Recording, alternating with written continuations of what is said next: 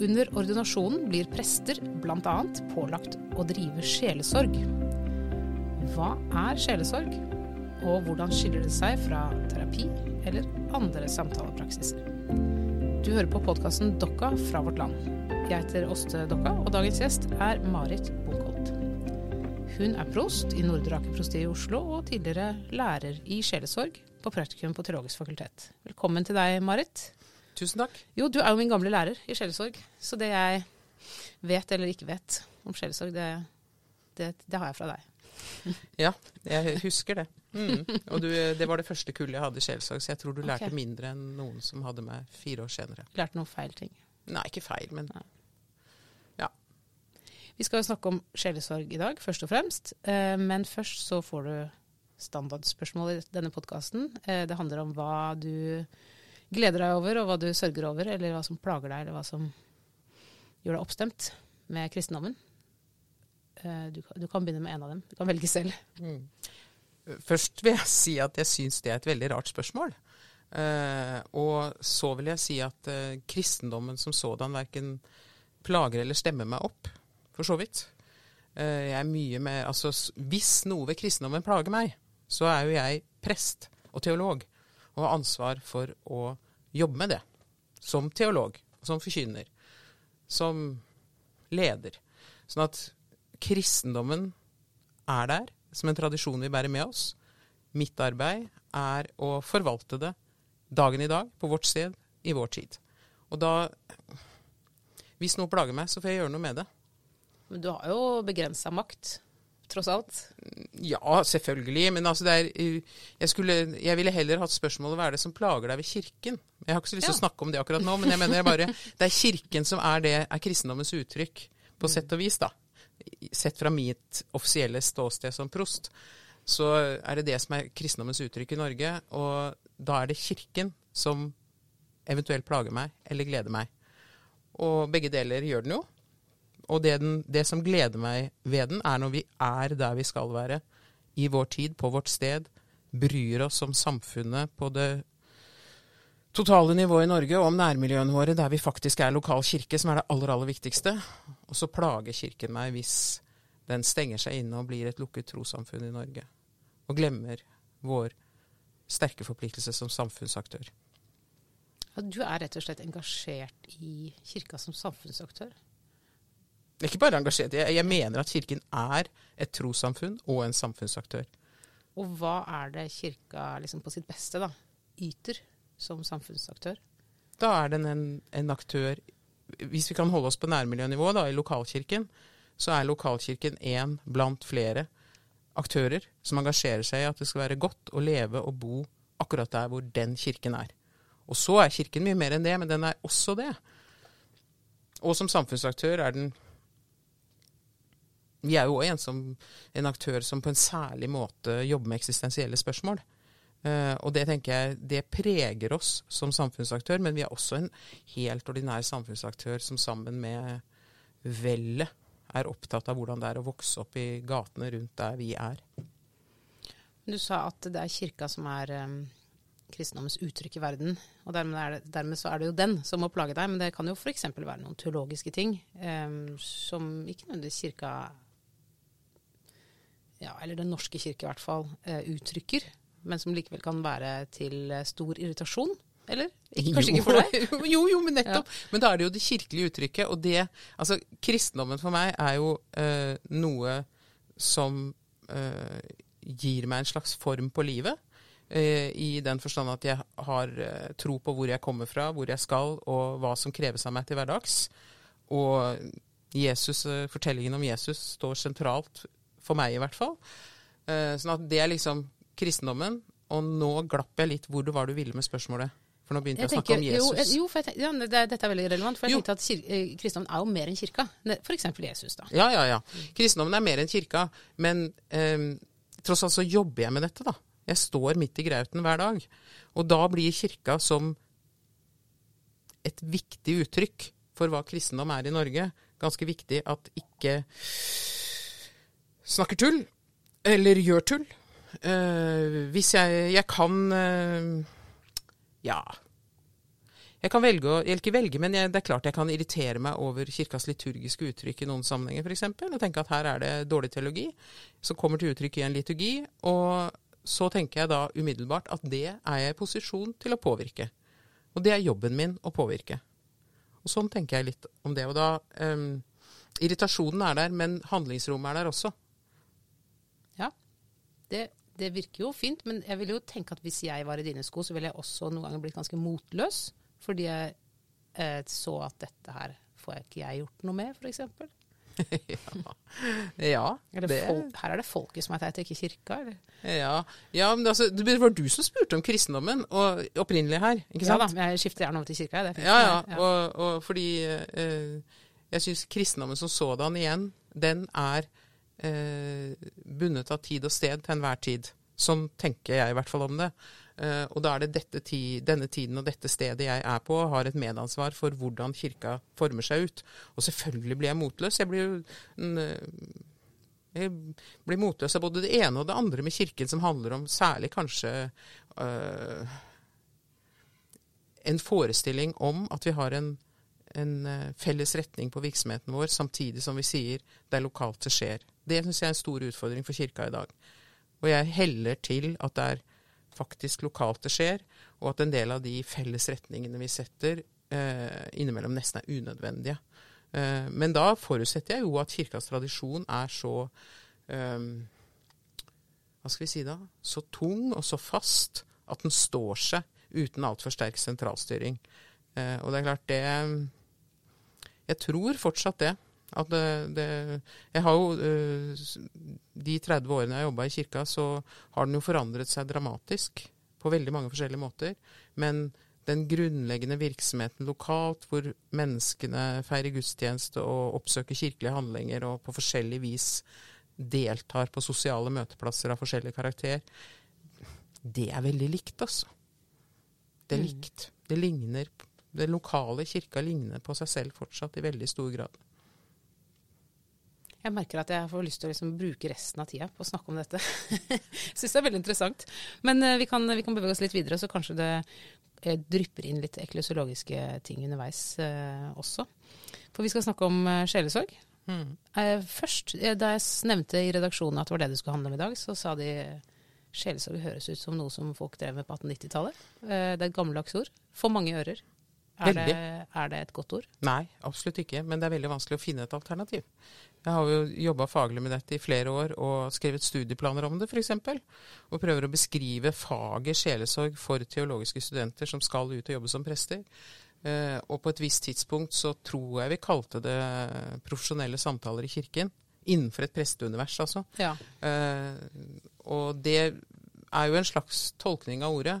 Uh, og jeg syns i hvert fall ordet er vanskelig å bruke, men vi har ikke noe godt alternativ. Så jeg beklager det. Mm. Mm, her er handlingsrommet ditt begrensa. Faktisk. men hva, hvis du skal si noe om hva det er, da, hva, hva, vil du si da? Til noen som ikke vet noe om det? Nei, Det er gøy med ordet sjelesorg, eller med virksomheten sjelesorg. fordi den, det er jo en slags uenighet om hva det er om hvilken beskrivelse man skal gi det, og dermed hvordan man jobber faglig med det, både i, i, relasjon til den enkelte som skal drive med det, og som helhet litt sånn i den beskrivende refleksjonen over faget. Jeg, da jeg begynte å jobbe med sjelesorgfaget som uh, lærer, så var jeg opptatt av at um, hva jeg var opptatt av sjelesorg i folkekirken, altså i den store, åpne norske kirken hvor mennesker kommer og går. Uh, og registrerte at veldig mye av fagutviklingen og beskrivelsen av faget sjelesorg stammet fra institusjonssjelesorgen, altså med, fra de som driver med sjelesorg på heltid, så å si. Ja, de som jobber på sykehus og Ja, den type ting. Som i veldig stor grad uh, er opptatt av samtalen, og det er deres primære verktøy i møte med menneskene. Mens jeg befant meg da i en utdanningssituasjon hvor jeg skulle utdanne folk som skulle ut og jobbe som menighetsprester i veldig stor grad. Og hva er det da de skal lære om sjelesorg, og hvilken virksomhet er det de skal lære noe om? Jo, da sa jeg det at de skal lære noe om øh, eksistensielle samtaler i en kirkelig setting som i en eller annen forstand bedrives av en profesjonell. Og der er det jo mange ord å snakke om på en gang. Um, og ja, dette med profesjonell er ganske viktig, fordi sjelesorg er jo ikke noe, en virksomhet som tilhører eh, presteskapet eller diakonene eller andre ansatte i kirken. Sjelesorg er noe som bedrives litt på kryss og tvers mellom menneskene. Eh, og det bedrives jo dessuten av ganske profesjonaliserte frivillige, sånn som i Kirkes SOS f.eks. Eh, men når jeg bruker ordet profesjonell, så er det for å sikre en form for kvalitet. da.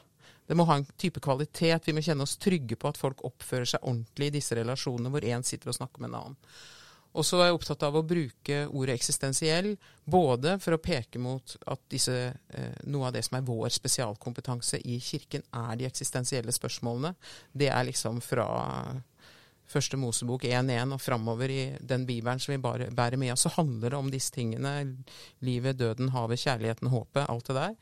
Men også eksistensiell i forstand det er en samtale om noe som er viktig for den andre.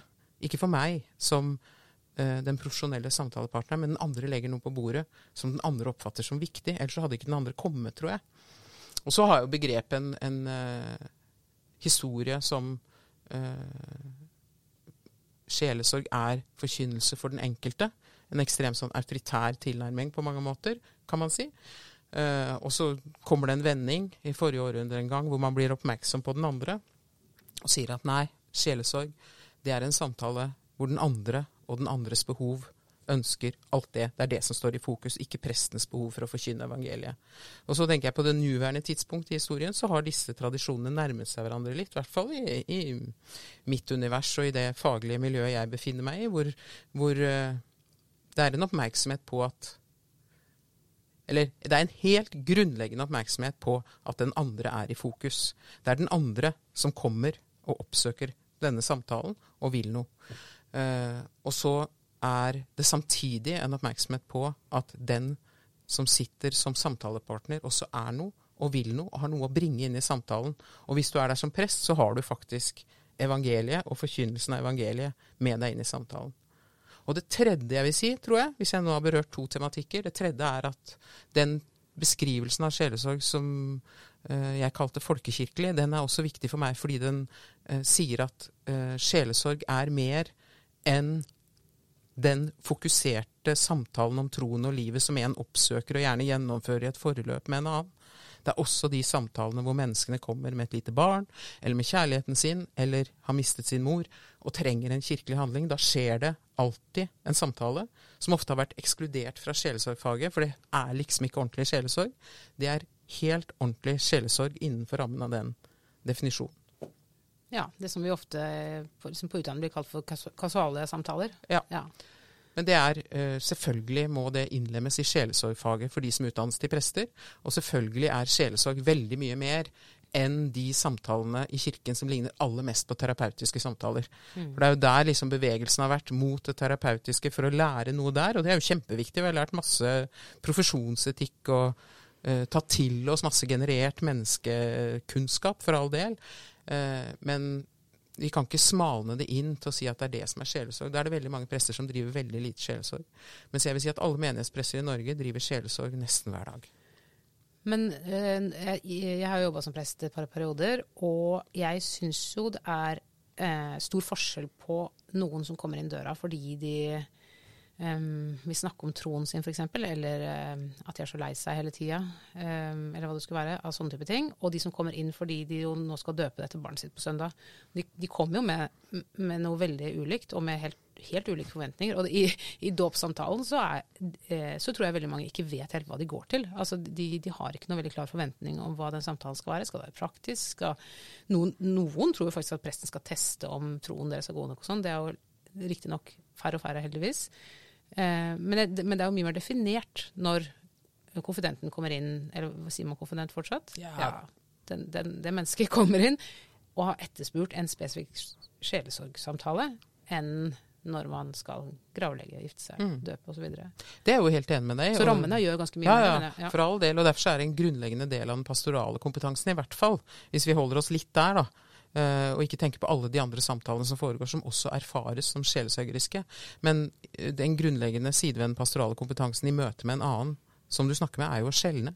Skjelne mellom samtaler, skjønne hva du er med på nå. Og eventuelt til og med tematisere det. Hva, er det vi, hva, hva, vil, hva vil, du nå? Og eh, en, mange har jo pleid å si litt sånn sloganaktig at ja, men kasualsamtale kan bli til sjelesorg. Og da tenker jeg det er litt sånn, eh, det er en meningsløs spill med ord for meg. altså Dette handler om, eh, igjen innenfor dette pastorale universet, eller prestenes hverdag i hvert fall, da, hvis vi er der et øyeblikk, så handler det jo om at de møter mennesker som en profesjonell annen til en samtale som er viktig for den andre. Det er sjelesorg. Og så utvikler den seg på veldig mange forskjellige måter. Og for noen det vet jo alle som har hatt en del sorgsamtaler òg, som framstår som en, en, eh, på utsiden sett fra en sånn litt utfordrende samtale med noen som sørger. Men for noen som sørger, så er denne samtalen ekstremt forretningsmessig. For andre som sørger, så varer den i tre timer, og den har en enorm verdi som del av bearbeidingen av det dødsfallet. Og så forskjellig er det.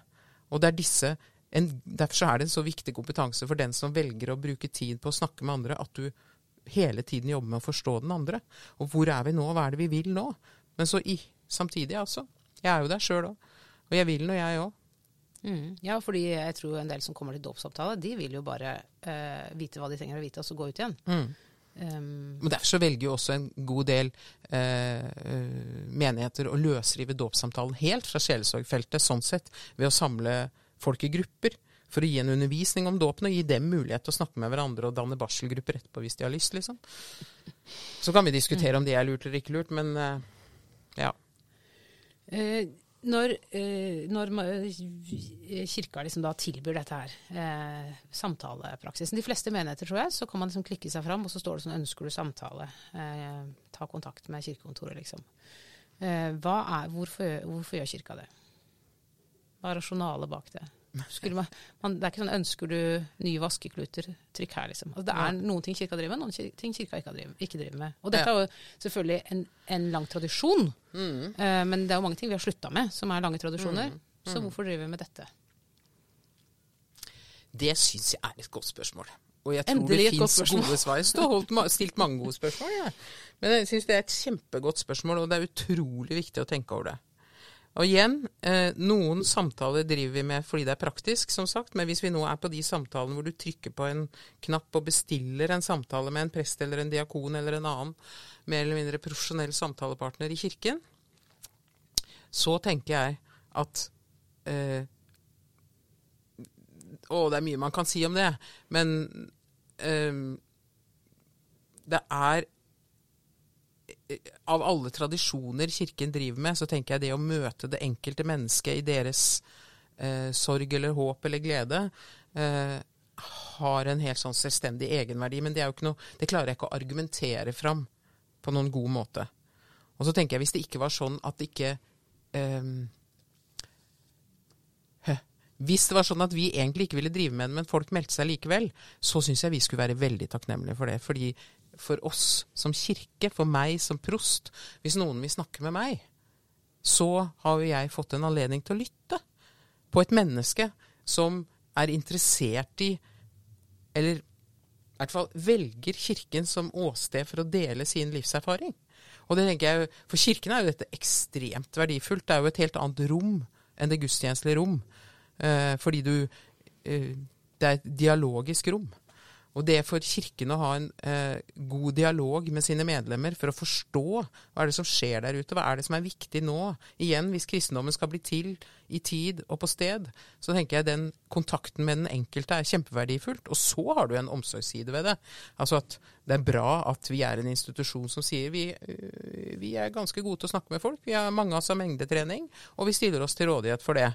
For vi tror dette er et behov i samfunnet rett og slett. Og antagelig er ikke det behovet blitt mindre i løpet av de årene Kirken har drevet med sjelesorg. Sånn at jeg, eh, jeg tror jeg, jeg forstår godt hvorfor vi driver med det. Det må jeg si. Og jeg ville um, Hvis ressursene våre forsvant fullstendig, så uh, tenker jeg at det virker som uh, Jeg ville nesten tenke det var viktigere å snakke med menneskene enn noe annet. Det var en sterk overdrivelse, kjente jeg. Ja, men jeg skjønner hvorfor du sier det. For, men, men, jeg tror det, det eh, Hvis jeg skulle tenke helt sånn egoistisk, som mm. prest selv, eh, så er jo sjelesorgrommet eh, et sted hvor man virkelig opplever at det er bruk for en. ja, det kan du si. At du, og at du får ehm, Jeg er enig i alt du sier om at det handler om den andre og omsorgen og alt det der som er viktig at kirka gjør. Men det handler jo kanskje også litt om hvordan presten har det med det. Altså, det, det kjennes jo som om her skjer det noe viktig, rett og slett. Og det, sånn er det jo ikke alltid hver dag uh, i en arbeidsuke for en prest, at man kjenner at dette var viktig. Nei, det, og, det, og det, det stiller jo et, på en måte et indirekte spørsmål til hele vår kirkelige virksomhet om hva vi prioriterer og ikke prioriterer. For det er klart, Hvis du skjærer inn til beinet, så tror jeg det er helt riktig det du sier, at når du sitter i samtale med en annen, så kjennes det viktig. Jeg syns det kjennes viktig å sitte og snakke med deg nå. Jeg. Altså, det er jo, dette er jo en utveksling som treffer i hjerne og hjerte på en helt særskilt måte. Og som kan skje hvis noen står på prekestolen og forkynner evangeliet for meg, eller eh, den type hendelser, eller på en konsert, eller hva det måtte være av andre hendelser i livet. Men innenfor en kirkelig setting, kanskje særlig det gudstjenestelige. Men det er klart en samtale har, eh, setter i gang veldig mange ting. Selvfølgelig gjør den det. Um, men mitt, med, mitt uh, Jeg må jo da kunne si at det at jeg kjenner dette så meningsfylt i min prestetjeneste, er, får jeg håpe da er et tegn på at det også er meningsfylt for den andre. Uh, og så lenge den andre fortsetter å komme, så ser jeg ingen grunn til å slutte med denne virksomheten. Og jeg er jo helt sikker på at uh, i hvert fall nå, når verden ikke er så streng som den var for 50 år siden, og kirken ikke er så streng som den er for 50 år siden, så kan vi endelig også tenke at det jeg hører i sjelesorgen, skal faktisk påvirke det jeg sier fra prekestolen. Altså jeg lytter jo til menneskene.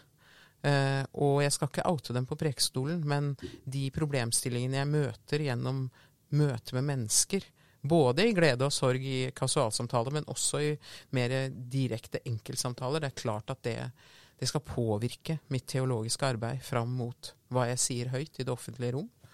Ja, Det syns jeg er helt sånn åpenbart, og kanskje ikke så veldig mye snakka om uh, likevel. Så det, det, er, det er litt rart. Og jeg merker, når man merker det best, er jo når man skal ha begravelser. Fordi da har du først snakka med en familie og forstått litt av hvor de er hen. Uh, er de letta? Er de, er de kjempelei seg? Er de knust? Er de vemodige? Eller hva er det som skjer her? Tenker de nå at eh, mor er i Guds gode hender? Eller tenker de, er de sinte på Gud, eller tror de ikke på Gud? Al- Alle de tingene der som du får vite i den samtalen. Det er jo det som er hele grunnlaget for den forkynnelsen som skjer i, i Grafheiden. Eller alt du sier, da. Mm. På det som er forkynnelse, og det som ikke, ikke liksom peker på Gud. Um, Men da er jo du en veldig moderne prest, da. Ikke sant? For det, det, er, det er jo ikke Eller eh, eventuelt en veldig gammeldags en, for av og til tenker jeg eh, i, gamle, I de såkalte gamle dager så hang jo minneordene og, og forkynnelsen helt sammen. I 81 døde mormora mi, og da begynte presten med å snakke om mormor, og så veva han seg inn mot forkynnelsen, og så var han ferdig. Og så kom jo en periode hvor dette skillet skulle være helt bastant, og som gjenspeiles fortsatt i vår liturgi, men som presteskapet i dag eh, velger å overse i veldig stor grad. Altså Man holder et minneord, eller noen andre gjør det, men disse ordene påvirker jo sterkt forkynnelsen. Sammen med den samtalen som du også sier. ikke sant? Og det eh, Jeg kan ikke forstå annet enn at det er det eneste rette. Men eh, um, vårt, våre, våre liturgiske hva skal vi si, Ikke regler, men hva vi skal kalle det. Ordninger? Eh, De, ja, forordningene peker i en litt annen retning. Det må jeg nok si. Men eh, de- forordningene om det Ja. Eh, når det kommer noen inn i dette rommet, da, og du eh, Jeg vet ikke hva du hva, hva spør du Hvis ikke de sier noe, hva spør du om forresten? Har du noen sånn standardfrase? Nei. Vet du hva jeg pleide å si? Nei, jeg har ingen standardfrase. Eh, hva kommer du med, sa jeg. Hvis ikke, jeg visst, hvis ikke vis, det visste, virka som de ja. visste hva de skulle si, og jeg var litt usikker selv. Ja, Mm. Det er en fin, eh, fin frase. Den skal jeg ta med meg. Hva kommer du med?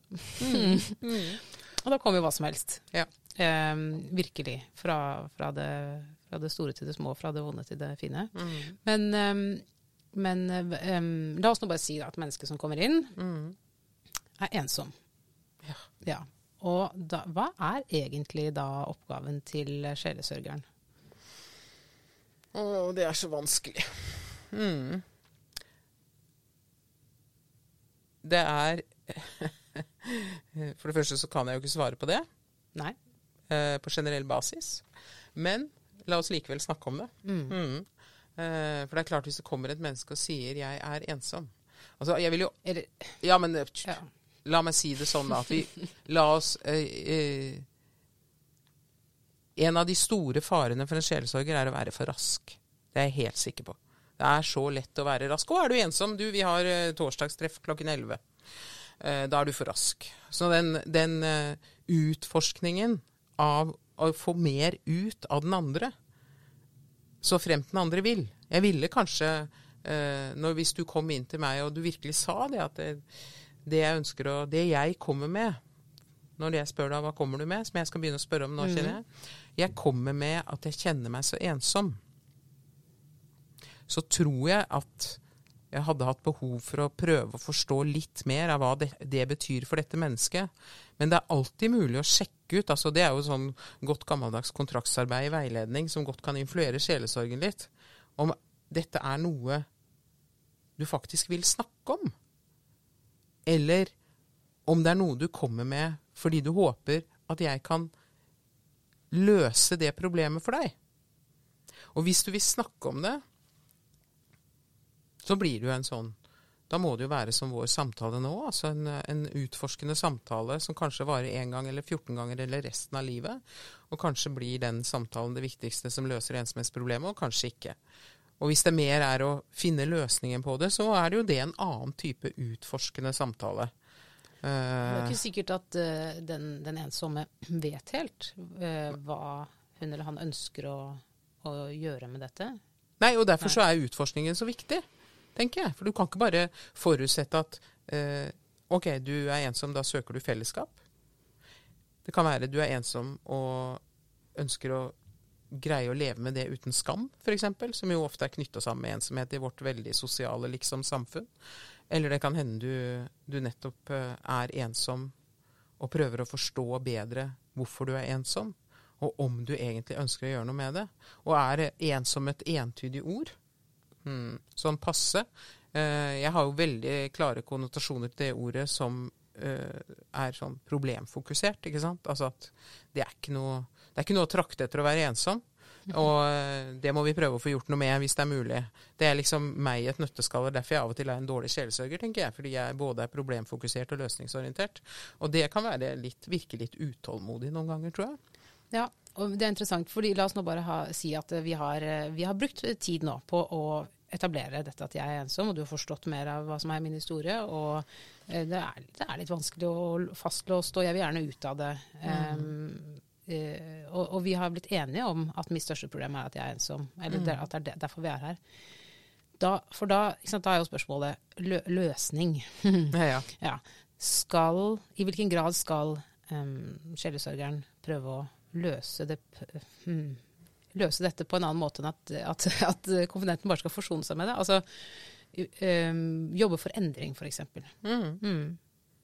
Jeg syns absolutt at man kan jobbe for endring. Man må ikke jobbe for endring. Man kan jobbe for endring hvis den andre ønsker endring. Og man kan til og med utfordre den andre til å skape endring hvis man har snakket sammen en stund eller noen ganger og skjønner at dette endring er ønsket, men endring er veldig, veldig veldig vanskelig å få til. Eller veldig skremmende, eller hva som helst. Altså, alt dette kan jo snakkes om. Uh, ja. Mm. Men eh, hvis jeg sier sånn jo, jo, jeg ønsker endring, og så merker du at ja, det skal vi nå se. er det så sikkert at du egentlig ønsker deg en endring? Eller du kanskje ønsker at verden skulle respondert annerledes på deg, men du er ikke interessert selv i å, å endre noe på deg selv. Hva, hva, er, eh, hva er rollen da? Eh, Det er, det, er, det er et eller annet med måten du spør på her som jeg blir eh, litt sånn uh, um, Det er med, altså det er kanskje noe med cases problem, da. ikke sant? Altså Sitte og snakke om et case framfor at uh, det faktisk er en virkelig samtale. Men jeg skal ikke bestride det, altså, for det er bra å jobbe med case. Men jeg er litt sånn i I den i vår samtale, som høres ut som den kommer til å vare mer enn én en gang, hvis ikke den andre blir veldig misfornøyd med møtet med meg, det kan jo skje, så tenker jeg det handler om å øh, lete sammen med den andre i livshistorien. Og se etter muligheter til eventuelt å komme til et annet sted i livet enn der hvor du er i livshistorien nå. Ikke sant? Og da tenker jeg du er en ganske eh, Nå begynner, kan vi begynne å snakke om medforfatterskap, som er en kul term i mange Mm. profesjoner og virksomheter, og som handler om å være sammen om å prøve å skrive en ny historie. Men når, hvis, fordi caset du legger på bordet er ensomhet, så har du gjort det veldig veldig vanskelig for oss òg, da. Fordi at um, en del uh, Jeg oppfatter ensomhet i dette caset som et slags faktum. At Ja, du er veldig alene. Ja. Og Mm. du har rett og slett ikke relasjoner å støtte deg til, og det plager deg. Mm. Det er en truende verden du lever i, helt alene. Og det er klart, det er en ganske um, Hvis du isteden hadde snakket om uh, Noen hadde lagt noe på bordet som det var knytta en skam til, f.eks., eller et skyldproblem, så har du alltid muligheten for å eh, Da er du mer i en virkelighet hvor du kan bygge om noe. Men hvis du snakker om ensomhet, så må du Det du faktisk trenger, er relasjoner. Ja, for det du trenger Så er det så vanskelig å bygge om, ikke sant? Nei, du trenger ikke en, nei, veldig godt sagt. Ja. Du trenger ikke en refortolkning. Du, Du trenger trenger, rett og slett noe nytt. Mm. Og da på et visst tidspunkt da, så blir jeg litt sånn Meld deg inn i et kor, da, hvis du kan synge. Altså, skjønner du? Og det er jo en så barnslig respons. Og samtidig er det jo så faktisk Ja. at hvis du kjenner deg ensom, så må du ut blant folk hvis du ikke vil være ensom lenger. Mm. Men, Eventuelt eh, begynne med gaming, da, hvis du ikke vil være sammen med folk fysisk. Ja, Det er også mulig. Ja, men jeg tror jo at eh, Eller dette er jo bare an helt anekdotisk og basert på veldig lite erfaring, men for så vidt noe erfaring, så det er ikke helt tatt ut av lufta. Eh, jeg, jeg opplever jo at det finnes mm, noen som oppsøker eh, type sjelesorg ikke for å egentlig eh, endre på det som er problemet, men for å finne en måte å holde det ut på. Og hvor det også blir en hvilepute eh, for å faktisk eh, ja, ikke sant? Det er jo et spørsmål Så Blir det en hvilepute, eller er det det som gjør at du holder ut en dag til? Ja, det ja. tenker jeg at jeg har jo drevet ekstremt mye sjelsorg i det, eller jeg har snakket mye med gamle folk. Jeg har jobba som sykehjemsprest i mange år i Trondheim. Og da tenker jeg Da handler det jo om å være et sånt innstikk en gang i uka som bidrar til utholdenheten med den hverdagen, som har noen aspekter som er veldig slitsomme. Og det syns jeg er en helt strålende måte å drive sjelesorg på. Og så kan du si er det ikke diakoni du driver med, det blåser jeg om folk har lyst til å krangle om det.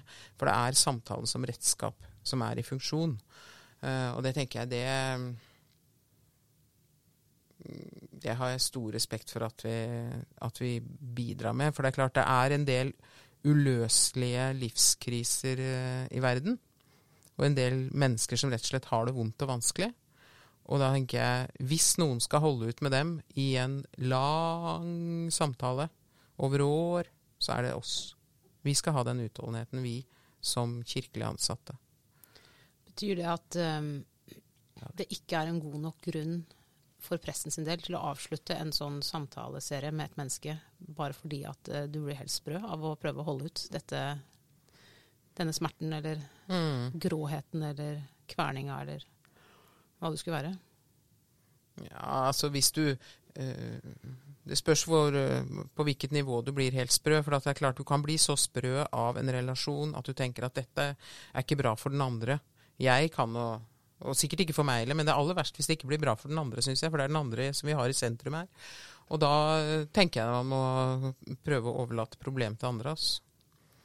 Ja. For det fins jo andre der ute som kan overta og ta sin økt med dette tunge grå. uh, hvis det ikke går. For det er klart, du, hvis du blir en uh, Uh, veldig dårlig samtalepartner Men det skal ganske mye til da, hvis du sørger for å ikke overdrive samtalene og har en, uh, en eh, reflektert veiledning som gjør at du faktisk klarer å, å håndtere din egen eh, ja, ditt eget ubehag og slitsomhet og alt det der. Men man skal ha respekt for det, for det er jo, det er jo mulig å slite seg ut på sjelsorg. Det tror jeg. Jeg har tenkt litt sånn at, um, at jeg liksom i utgangspunktet ikke tror på endring. at jeg liksom ikke tror helt at folk forandrer seg. Og at uh, hvis man kommer inn i det rommet og sier sånn uh, er bare et stort sukk og sier at ingen liker meg, um, og det er veldig åpenbart for presten hvorfor ingen liker denne personen, så tror jeg det uh, Jeg lurer på om det er mulig å, å komme et annet sted uh, for det mennesket. Jeg er helt sikker på at endring er mulig, men jeg er ikke sikker på at det er presten som kan hjelpe til med det. Det er jo det. Er det noe jeg er helt sikker på, så er det at endring er mulig. Mennesker forandrer seg. Jeg har forandra meg. Jeg er et helt selvstendig bevis på at jeg kan forandre meg. Jeg kan utvikle meg, jeg kan dempe sinnet mitt, jeg kan bli tryggere i relasjoner, jeg kan lære å snakke med andre. Alt dette jeg har lært av livet, og det er jeg jo kjempeglad for. Og det betyr at jeg har forandret meg. Uttrykket mitt nå er ganske forskjellig fra 1987. Det kan jeg love deg. Uh, sånn at, uh, sånn, det tror jeg på. Men jeg har jo fått muligheten til det. da. Jeg har fått muligheten til det gjennom veiledning, gjennom et yrkesliv som gir mening, og gjennom relasjoner som har pirka. Og Alt det er jo viktig. Og hvis du, du, du sitter med et menneske i sjelsorg som du skjønner ja, dette, dette mennesket liker jo ikke jeg engang. Jeg bare er her fordi jeg får timebetalt, nærmest. Så er det klart at det det mennesket kan også forandre seg hvis det kommer i relasjon til noen som faktisk gir det en eller annen form for aksept eller kjærlighet. Det er jeg helt sikker på. Men å komme dit er det ikke alle som får til. Nei, og, og da blir vi sittende der og ta imot. Og ta ja. imot.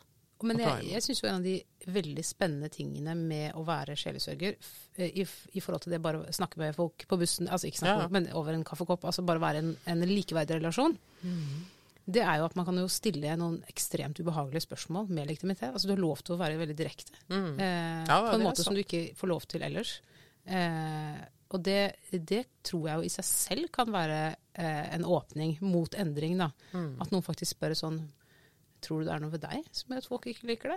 Altså, for det ja, ja, ja, for det er jo et modig spørsmål. Si, ville bare si 'Å, men tenk at ikke noen liker deg'. Nei, det tror jeg ikke stemmer. Nei, nei, ja, ja. Sånn vil de være. Mm. Mm. Um, men ble, det, nå får du stoppe meg, men jeg tenker jo at uh, uh, Jeg skulle ønske at vi, vi, at vi, ikke blir sjelesøgere for hverandre når vi drikker kaffe, men at det motet som man uh, må ta til seg som sjelesøger, også går litt ut i hverdagen av og til, hadde det vært fint. da. Men det var en parentes om hverdagen. Den er ikke dum, den heller. Um, hva, hva, hva, din ehm, hva, hva, skjer med sjelesørgere over tid, tenker du? Hva Nå har vi jo snakka om at de kan bli slitne og lei. Mm. Uh, og da hender det at de sovner og sånn. Og det er jo helt forferdelig. Men uh, nei, jeg tror de kan bli slitne og lei. Uh, men vel så mye så har jeg jo lyst til å fokusere på at de som driver mye sjelesorg, de blir jo klokere og klokere. For de hører mer og mer og mer. Og deres reservoar av menneskekunnskap blir jo etter hvert enormt. Men det skal jo forvaltes også på en god måte. Men jeg mener de kan bli klokere. Og så vet jeg jo at sjelsøgere kan bli eh, Det heter ikke retraumatisert, det heter noe annet. Men jeg har glemt hva det heter. Sånn kotraumatisert, ja, liksom? Ja, det er ikke det ordet helt. Men Nei, det, det, er i hvert fall det å møte veldig harde situasjoner, gjør et inntrykk på deg sjøl som eh, både kan vekke opp smertefulle erfaringer fra eget liv, men også bare gjøre deg helt knekt, tror jeg. Jeg tror noen sjelesøgere blir knekt og må bygge seg opp igjen og gå ut av uh, sjelesøgerisk arbeid for en periode og ta en, ja, ta en, pause og så komme tilbake. Det, og noen tåler det kanskje ikke i det hele tatt. Ja, du snakker om å møte det harde over tid. Jeg husker jeg, Da jeg var sykehjemsprest, tenkte jeg jeg er jammen heldig. Jeg gikk i veiledningsgruppe med sykehusprestene. Så tenkte jeg jeg er jammen heldig jeg omgås mennesker som nærmer seg den naturlige død. Mens disse sykehusprestene gikk og vassa i at barn døde, og unge mennesker døde av kreft og masse fæle ting som gjorde meg helt forskrekka. Tenkte at det der kan jeg aldri gjøre.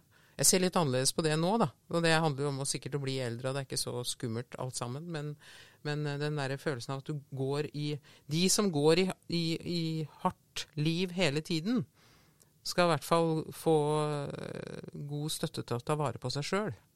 Og det er, det, er, det er, viktig å ikke bli en sånn uh, machoprest som tror du tåler alt og kan stå i alt, og taushetsplikten er så hellig at jeg ikke engang kan få veiledning og alle disse tingene her. Sånn er det jo veldig lite av etter hvert, da. Heldigvis. Um, så det. Men det er klart noen av oss som er prester, er jo nesten for utålmodige til å snakke med andre i det hele tatt, hvis du skjønner. Mm. Men det, da får man jo lete etter eh, arbeidssituasjoner hvor det er lite av det, da. men, eh, men jeg, jeg, skulle ønske det sanneste om hva som skjer med oss som sjelesøkere, er at vi blir klokere. Jeg merka på meg selv, eh, jeg hadde et år som prest nå nylig, hvor jeg hadde ganske mye sjelesorg. Mm. Eh, at jeg ble veldig stille. du ble stille, ja? Mm. I samtalene eller ute i verden? Ehm, begge deler, egentlig. Ja. Um, Hvordan, eh, hva, hva, si mer om det. Nå blir jeg veldig Mm. nysgjerrig. Det er jo kjempespennende. Ja, nei, jeg vet ikke Det er litt vanskelig å sette ord på det. Men jeg, jeg merka vel at jeg Jeg tror kanskje det var en slags ydmykhet i det. Mm. At, eh, at um, jeg tenkte sånn eh, Når jeg hørte noe, tenkte jeg ja, det er også en del av livet. Mm. Eh, det er det ikke så mye å si til. Det er Nei. bare Det må bare bli sagt, og så må noen høre det. Mm, og, og her kunne jeg sikkert kommet på tusen responser. Eh, jeg kan sikkert tenke masse lure ting om dette, men, men kanskje, det ba, kanskje ikke. at jeg- at jeg, jeg stilna litt, liksom. Um, Jo, jeg kan Ja. kjenne igjen litt det. Mm. Altså den der eh, eh, Og det er tror jeg også er en bra evne som sjelsøkere å ha i en del situasjoner. da, Og først og fremst være en som tar imot og lytter. Og ikke egentlig har så mye å by på. Eh, kanskje er du flink til det. Jeg er ikke så flink til det, tror jeg. Jeg syns jo det er så jeg, er så lett på tråden til å snakke. det er jo jeg også, så jeg tror Ja. nok at den stillheten er ganske relativ til Ja, ja, okay, utgangspunktet. ok. Men, eh, det- og jeg mm, Men det kommer jo an på hvem folk er igjen, og hva de sier og sånn. For, eh, for noen er jo den stillheten sikkert da det eneste rette. Og for andre så kan det jo bli helt sånn Hallo, er det Ja. noen der inne på andre siden av bordet? Fordi jeg husker det var en som spurte meg bare sånn Hva er meningen med livet? Og så svarte jeg bare sånn mm. Men så visste jeg at vedkommende faktisk ville ha et svar. Ja, det syns jeg, jeg var ganske skusselig. Ja. Og det var jo det var, det var Ja. interessant, altså. Fordi jeg var sånn ja, men skal, jeg, skal jeg svare på det? OK, ja, ja. Det er ok. Men det, det, det kan jeg sikkert gjøre. Men man liksom slutter å ta ting som spørsmål. Bare tar det som utsagn, liksom. Ja. Selv når det faktisk er spørsmål, da.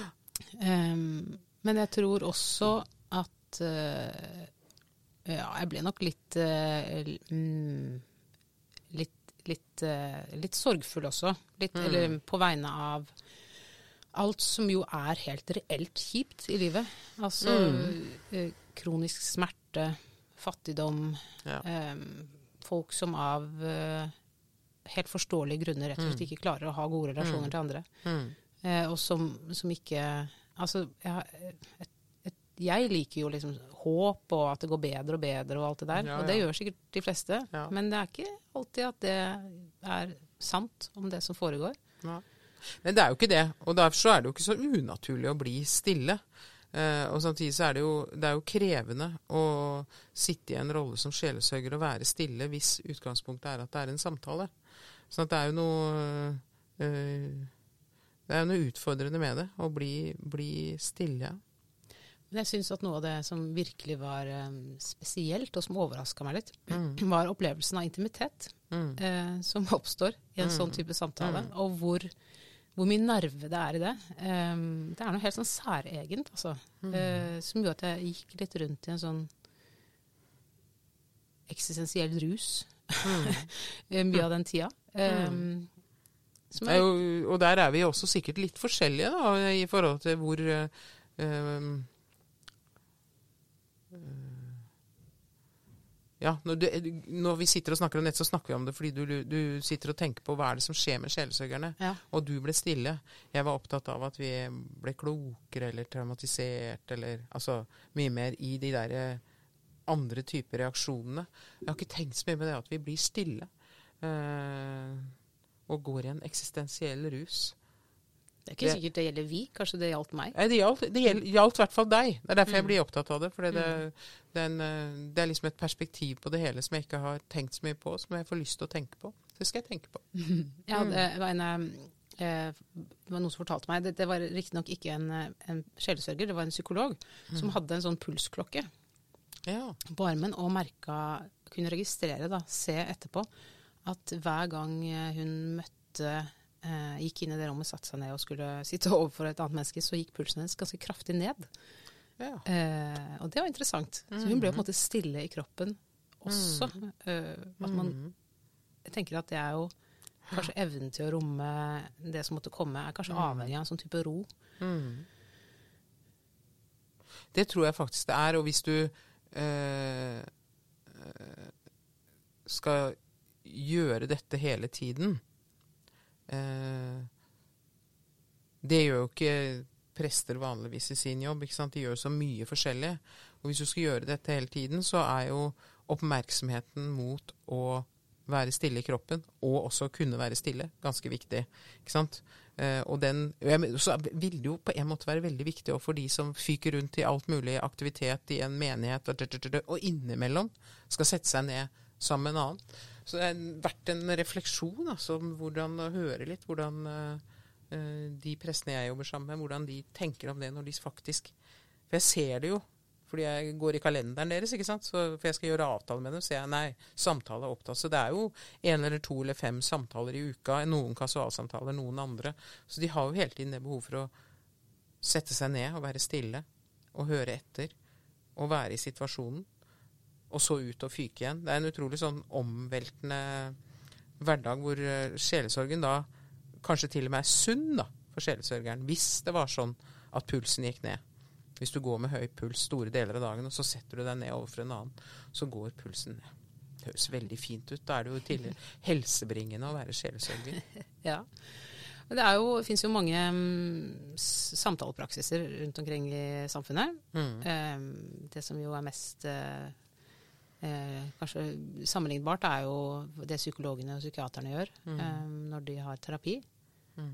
Eh, hva tenker du er liksom hovedforskjellen Hovedforskjellen tror jeg er ja, altså igjen, Det er det med sjelesorg igjen, altså at det hele tiden ligger i spennet inne i den kirkelige virkeligheten som noe noen ansatte driver med, og noe som en del frivillige driver med. Og det, og det er jo en kjempestor forskjell fra uh, all denne terapeutiske virksomheten som stort sett er profesjonell. Men de rammene påvirker jo antageligvis hva som foregår inne inn, inn i samtalen også? Det ja, det tror jeg nok. Altså, jeg, jeg tror jo Eh, ja, det spørs litt hva du mente nå. Det du sier, du sier at det er innen en kirkelig sammenheng, og det er, den, det er den avgjørende forskjellen. Jeg er for så vidt enig i det, men jeg tenker at hvis du hadde bare tatt opp, bare tatt opp masse samtaler på mm. teip mm. Og det, noe var psykologsamtaler, og noe, øh, noe var uh, sjelesorgsamtaler. Mm. Hva hadde, hva hadde, hva hadde liksom, hvordan, hadde hørtes, hvordan hadde man hørt forskjellen? da er med en av mine fordommer mot uh, psykologer og psykiatere at de har en, en avklart metodikk. Ikke sant? Eller en, de, en, avklart praksis da, som har et faglig grunnlag. De jobber liksom eller Psykodynamisk? Ja, kan, ja, og noen jobber eh, kong... Hva er det? Whatever. Ja. ikke sant? De har det, og du ville derfor høre i løpet av fem samtaler i løpet av en dag at det var, det var noen lignende trekk i tilnærmingen. Jeg tror opptaket av prestenes samtaler sto i fare for å framstå som mye mer kaotisk. Positivt forstått for min del, da, selvfølgelig, fordi jeg liker kaos litt og tenker at det er bra. Fordi det handler om hvem er du, og hva vil du? Uh, mer enn det handler om jeg har en, uh, en uh, metodikk som jeg møter deg med. Selv om du kanskje har et inngangsspørsmål, jf. det du refererte for en stund siden osv. Men jeg tror jo at um, Kanskje er det å håpe at en annen forskjell ville være at veien til igjen de helt sånn grunnleggende eksistensielle spørsmålene er mye kortere. Altså det er mye kortere for å vei til å begynne å snakke om livet, døden og kjærligheten og alt det der. Eh, og selvfølgelig eh, om det religiøse i en eller annen forstand, eller om Gud eller altså Den åpningen fins hele tiden, da. Eh, veldig lett tilgjengelig fordi vi befinner oss i en kirkelig setting i en eller annen forstand.